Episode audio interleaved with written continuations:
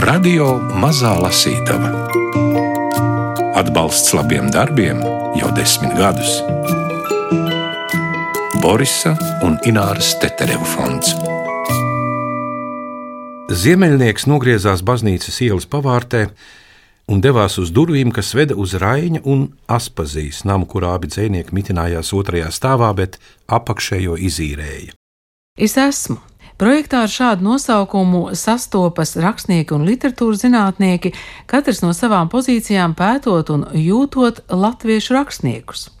Par Jāni Ziemeļnieku ir tapis projekta pirmais romāns Krauklis, kuram autors Andris Zebots devis žanra precizējumu fantāzija vēsturiskajā iesaistē. Gunārs Aboliņš turpina lasīt. Uzkāpis pa šaurajām kāpnēm, Jānis paraustīja zvana aukliņu, un iekšpusē slāpēti nošķindēja zvans. Laikam jau neviens nedzirdēja, jo pagāja labs brīdis pirms ziemeļnieks saņēmās piezvanīt vēlreiz. Tad arī durvis vērās, un tajās parādījās Aspazija tērpusies austrumnieciskā ugunis pļaujošiem pūķiem rotātā violetā rīta svārkā. Ieraudzījusi viesi, viņa uzsmaidīja un laidās valodās allaž kā plūdos, un nebūtu tik lēti apturama, ja kāds uzdrošinātos mēģināt. Ak, tur tas esi, Jānīt, nāc, nāc iekšā uz sliekšņa, jau nerunāsim, bet es minēju, ka kas gan tur laužas caur durvīm, piedod, piedod, nesen kā cēlusies, mans pašs Jānis slims, mājās viena lazarete pagājušo nakti kaut kā nedabūja ilgi aizmigt, traucēja, ka jāpārdomā vēl Zalša līgava, kas jau labu laiku nacionālajā izrādīta, bet man būšot mieraugam vēl jāpalīdz, tā kā režisēt, tā kā skaidrot, re, tad nu šorīt nogulēt te līdz pusdienas laikam un mati man visi visi pa gaisu. Nevarēja tāda kā purva ragana rādīties jums, manam skaistajam pāžam. Jānis atsmaidīja, piedošana, bet šodien pie jums atnācis pastnieks. Ak, šī tā gan, aha, un kāda tad pasnieka kungam būtu vajadzība pie manis nākt? Bet jūs uzminiet, cienītā kundze, mhm, tūlīt. À, protams, tā ir Pandoras lādīte ar visām pasaules slimībām, grēkiem un nelaimēm, kuru nedrīkstēs taisīt vaļā, lai es traka palieku savā ziņkārībā. Nu, šoreiz nojauta jūs pievīlusi. Tad jau tas varētu būt Nībelungu gradzens glītā kārbiņā, kas vedīs dievus uz bojāēju, jo nu pat nesen treju nornu tītais likteņpavadienis jau sarauts. Tuvu tam, bet vēl nav atminēts. Nu, labi. Suņu zvaigznes Sīriusa kodols. Teica, ka Mārtiņos, lūkojoties spoži degošās suņu zvaigznē debesīs, ja iedomājas tekošā piena upē peldošs zvaigznes grauds, tad būšot bagāts gads. Nu kā? Atcerieties, ka vairāk neminēšu. Nav arī vajadzīgs, jo atminēts ir pareizi. Lūk, Jānis svinīgi izvilcis no kabatas, rādīja aploksnīti Aspazijai Te neliels graudiņš piena upē peldināms no jaunāko ziņu zvaigznāja. Ak, paldies! Jūs kā vienmēr radoši noskaņots ziemeļnieks. Nu, mācos no jums, kundze! Tā Jānis Ziemeļnieks Aspazijai atnes honorāru no jaunākajām ziņām, bet tā ir tikai viena epizode Andra Zēbota romānā Krauklis. Par romānu tapšanu stāsta autors. Te ir tā, ka viss sākās ar tajā brīdī, kad man mājās ir dzējoļu krājums. Ja? Es kā, nu, kaut cik zināju dzējojis. Nu, protams, drūmot certu un pie galda kādreiz dziedāju. Bet pirms kādiem pāris gadiem es bibliotekā paņēmu viņa stāstu krājumus. Un tad man bija liel, liels pārsteigums, ka šie stāsti ārkārtīgi atšķirās no tās dzīslas formas. Dzīslas forma viņam sentimentāli romantiskā ir, jā, un ar visiem parametriem. Savukārt proza, ko viņš raksta, atkal atbilstoši nu, drīzāk ekspresionismam, vairāk tā kā novēls tas ir. Mm.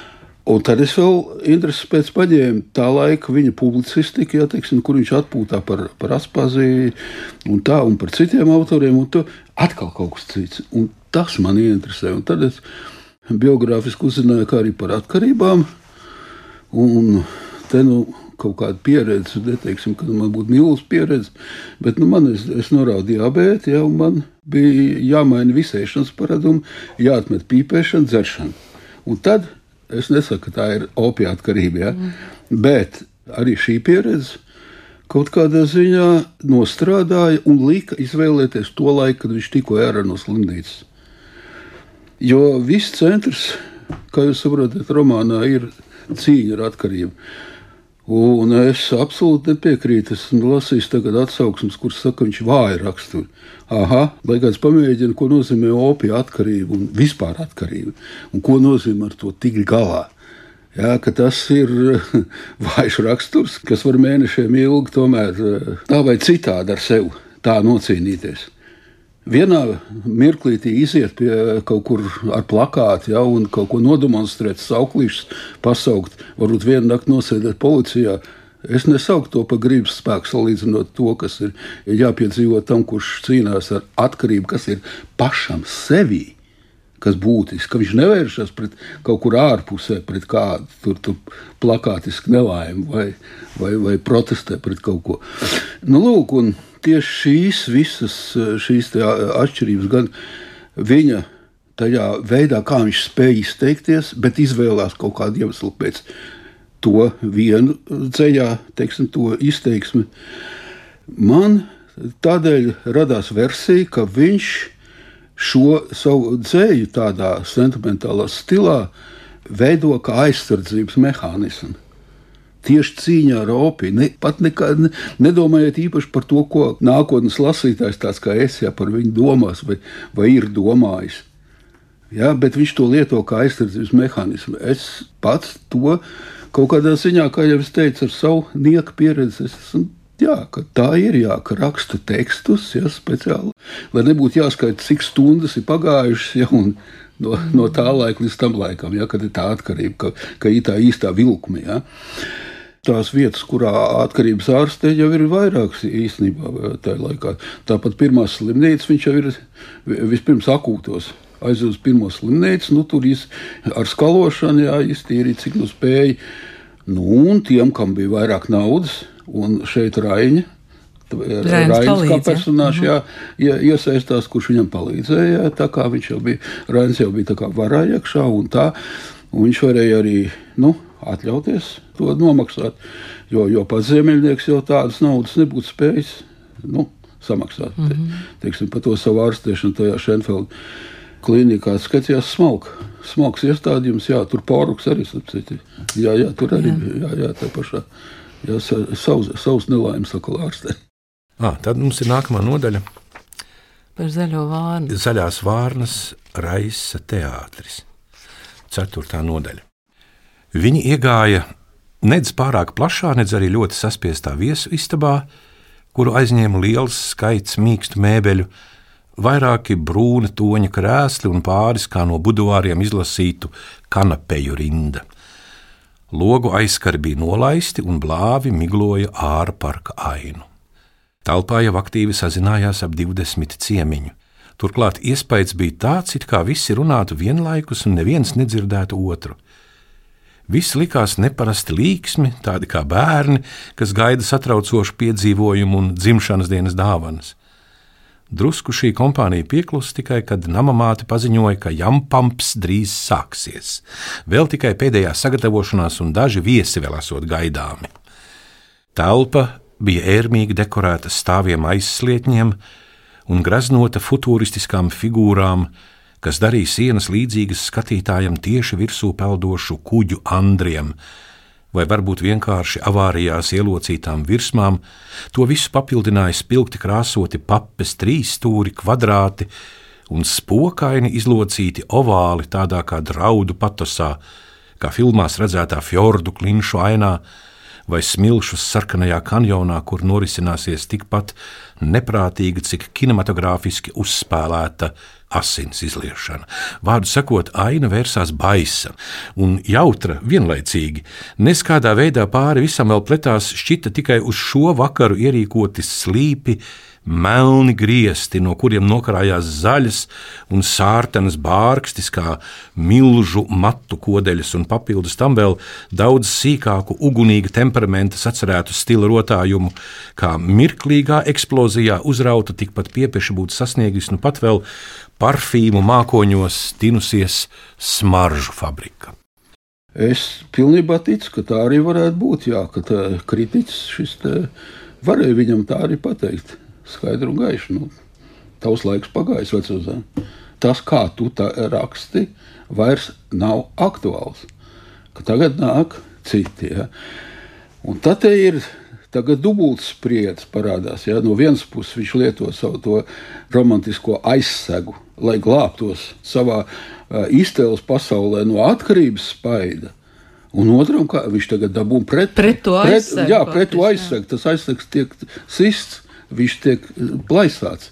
Saprotiet, ja viņš visi tie, kas viņam tur rīķī, kas izliekas, ka palīdz, īstenībā jau Leonīda arī, viņi taču ar savu to gājienu Tas nav fakts. Tā, tā kā šeit ir uzrakstīts, tā viņas intriga, bet tas, ka viņa intrigas zina, ja, tas atkal ir fakts. Ja. Nu, Varbūt viņai... netiks, netiks, netik, nu, netik, netik eksaltēta, kā ra, romānā ir rakstīts. Ja. Tādu faktu nav. Mm -hmm. Tā ir fantāzija. Tā ir, tā, jā, jā, jā, tas viss ir kā, tas, bet tas sienās kopā ar tā laika špicku skandālu, kā jūs saprotat. Nu, tā, tā ir kompozicionālais lokus, ja, tas, kas ietver ja, visu tā laika gan politikas, gan, gan cilvēcisko attiecību viņš un Leonīds šais, šajā gadījumā, viņš un virsnieks. Pa virsnieku ir interesanti. Vienā vēstulē, gan e, tad, kad, e, bet tas jau vēlākos laikos, tas jau pēc ap 30 gadu, kad šis laiks jau beidzies ka viņš vienā vēstulē, tagad es neatcerēšos, kam viņš eh, viņam prasa, tā kā bija uzdots vienā, eh, caur citu vēstuli jautājums, eh, kāpēc viņš jau Leon, Leontīnu vai saprāt, jeb Leonīdu, kā viņš sauc, kāpēc vairs nestiekās, viņš, a, viņai kaut kāds virsnieks jau ir tagad. To zemnieks rakstīja. Tāpēc arī šeit viņš viņu sauc par virsnieku. Viņš, jā, viņš, viņš sauc to savu konkurentu par virsnieku. Vai tas bija īsts virsnieks, vai tā kā šī romānā tikai viņa iztēlē, par to ar nekādu minējumu mm. man nav. Ja? Bet tas virsnieka tēls, ja? viņš nevelti tur ir tā iekšā. Leonīda Zaķīte, virsnieks, Finks, Smilģis un daudzi citi tā laika cilvēki sastopas kādā īpašā vakarā Dailas teātrī. Apokaliptiskie pareģojumi, sastā nodaļa. To vakar Lāčplēša ielas malā bija piestājis nemazums automobīļu. Tas rādīja, ka tieši šovakar progresīvajai domātāji paudzei mazliet atstatus turoties. Dailes teātra visiem pazīstamā režisora Smilģe izrādi apmeklēs tikai speciāli lūgta, ekonomiski izredzēta, iespējams ziedojumus dāvājoša publika. Lūk, plašajā foijē jau pulcējās teātras sezonas sākuma viesi.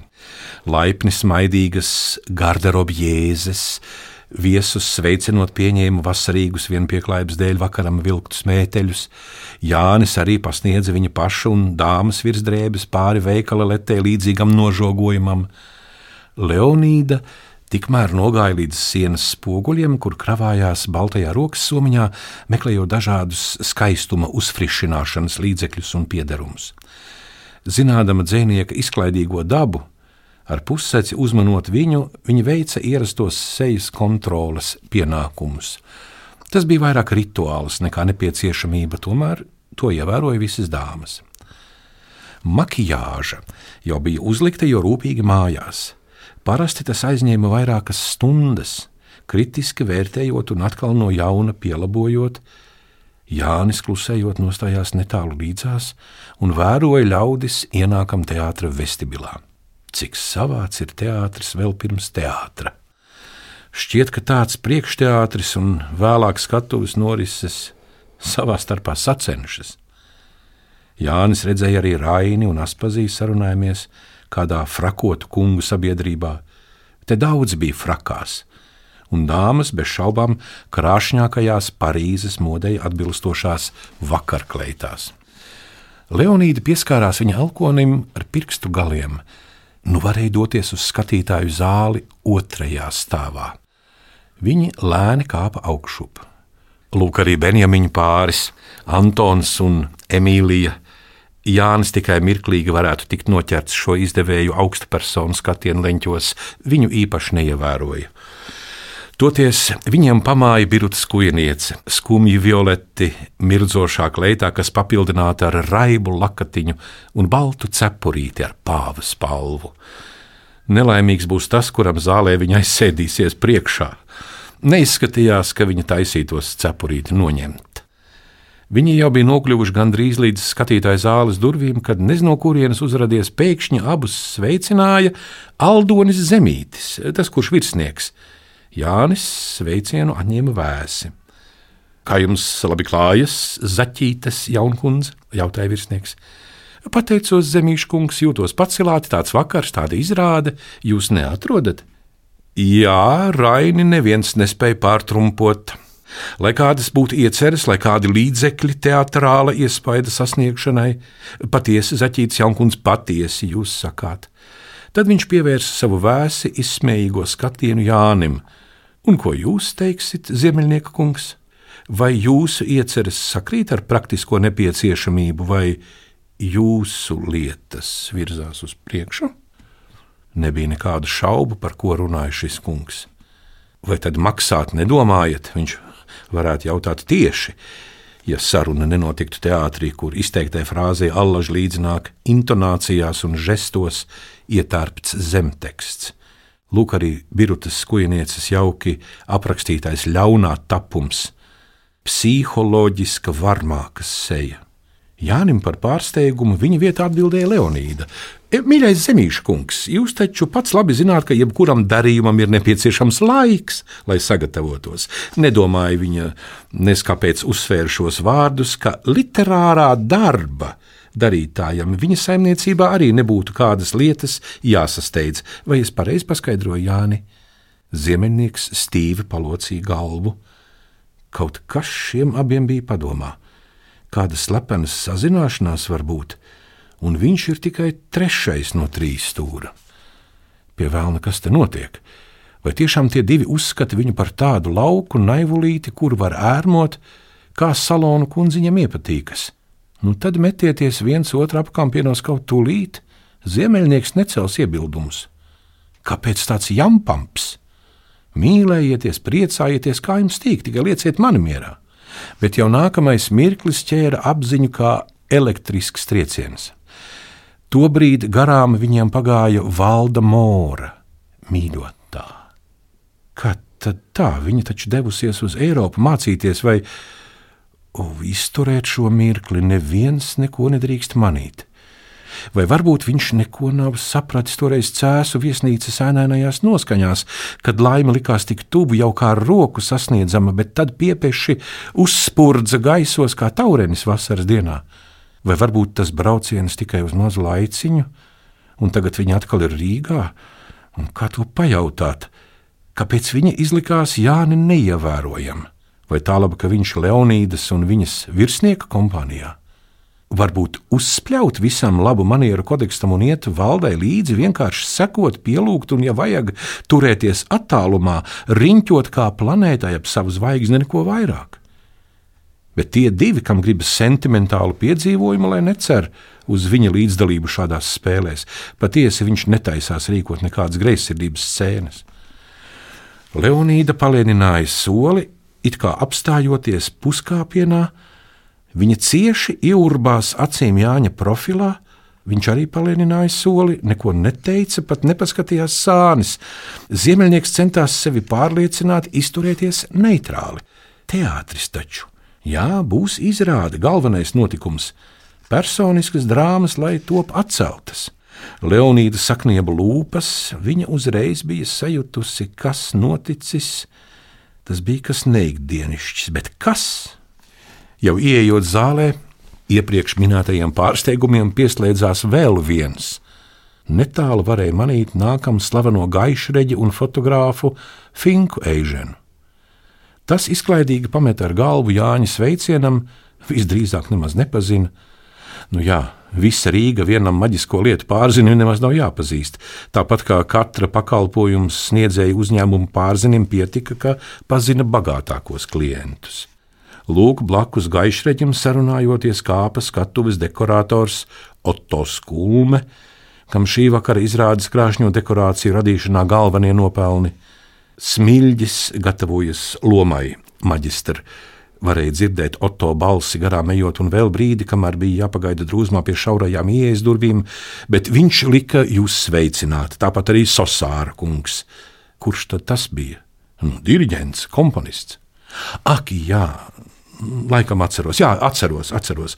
Bet jūsu jaukās dāmas, Emīlija Viestura, Elvīra Bramberga, visas sūta viskvēlākos sveicienus, visas suflēzes, visi muzikanti, Finka kungs, tāpat kā citas aktrises un sevišķi Baldonas kundze, viņa būšot izrādē ragana. To lūdzu jums sevišķi rūpīgi pavērtēt, zināms jau, kurš gan būtu tais lietās vēl iesvaidītāks speciālists. Mani pieticīgie talanti nav viskādas vēlnišķības, un viņi jau nozuda zālē. Tad piepeši acīm atklājas ļoti savāds skats.